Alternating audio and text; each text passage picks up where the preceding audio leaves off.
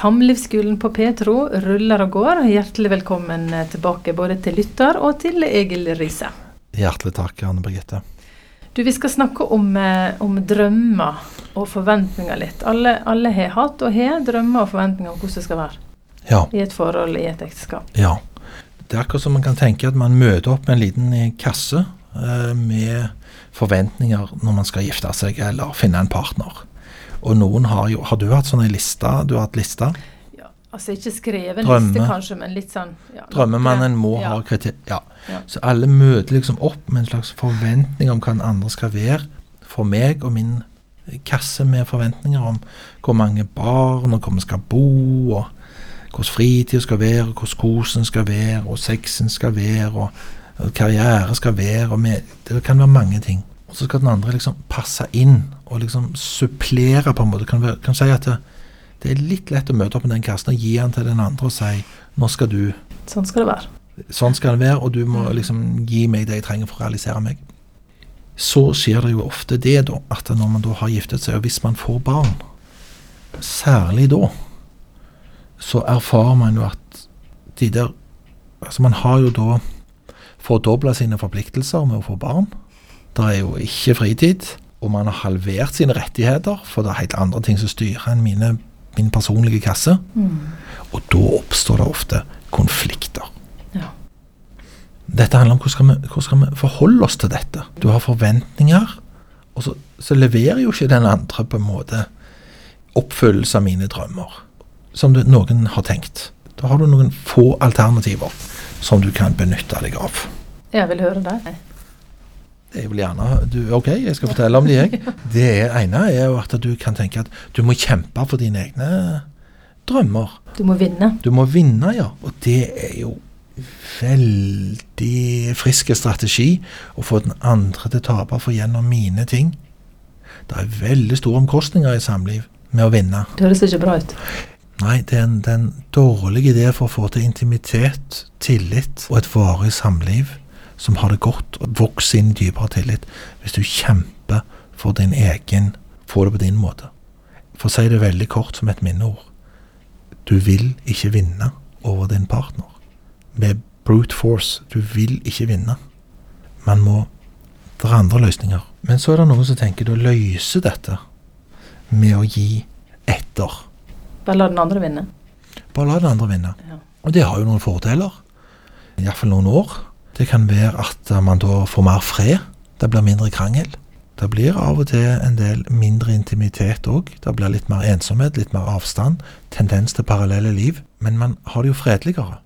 Så man kan ha det greit og bra, gjøre, gjøre kjekke ting. Og, men det er en slags forventning i det å gi seg, som er sånn at hvis jeg gjør sånn som du vil, siden ikke jeg kan få det sånn som jeg vil, så kan jeg gjøre sånn som du vil. Inntil videre, og så kanskje jeg da Kanskje den andre en gang Kanskje en gang. Ja, Kan du få noe igjen, liksom? Ja.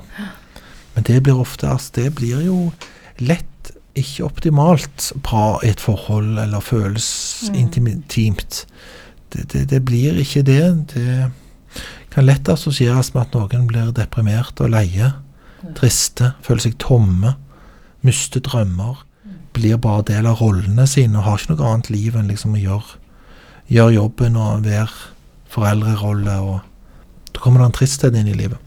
Men den tredje måten har noen kommet på, det er jo at ja, men for ikke at noen skal tape eller vinne, så må, må vi ha det likt. 50-50. 50-50. De kaller det kompromiss, liksom, men det er 50-50. Det høres lurt ut. Vi skal gjøre like mye. Dette året mitt, neste året ditt.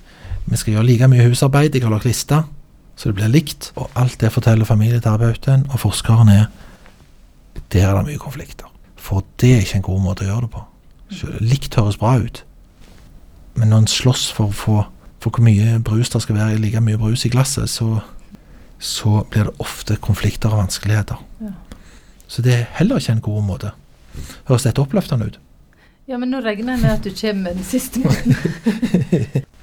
Det som kjennetegner par som får det til, det er at de tar ansvar for sin egen boks, og så må man være opptatt av dette prinsippet å tjene.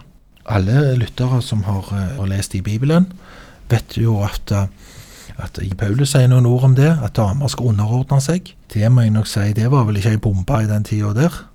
Og Det er mange samfunn det kan ikke være ei bombe der damer skal underordne seg menn. Men det står noe om at menn òg skal tjene og underordne seg. Elske konene like mye som, sin egen kropp. Og ha Gud som forbilde på det. Så det er jo noen det er jo noen religiøse ord som er så sterke at det er helt voldsomt. Og det, det er vanskelig å ta inn over seg hvor store de er. Men prinsippet der, det er jo at alle får det bedre hvis man tjener den andre og er opptatt av hva trenger jeg å gjøre for å hjelpe deg til å realisere dine drømmer. Og når begge tenker sånn, en helt annen holdning, betyr ikke det at en gir seg da? Eller at en Nei. Mens det å gi seg kan jo være at man føler seg mindre verdig og mindre respektert. Og mindre viktig. Så er jo dette en holdning som er mer sånn at jeg er ikke mindre viktig. Jeg velger å tjene.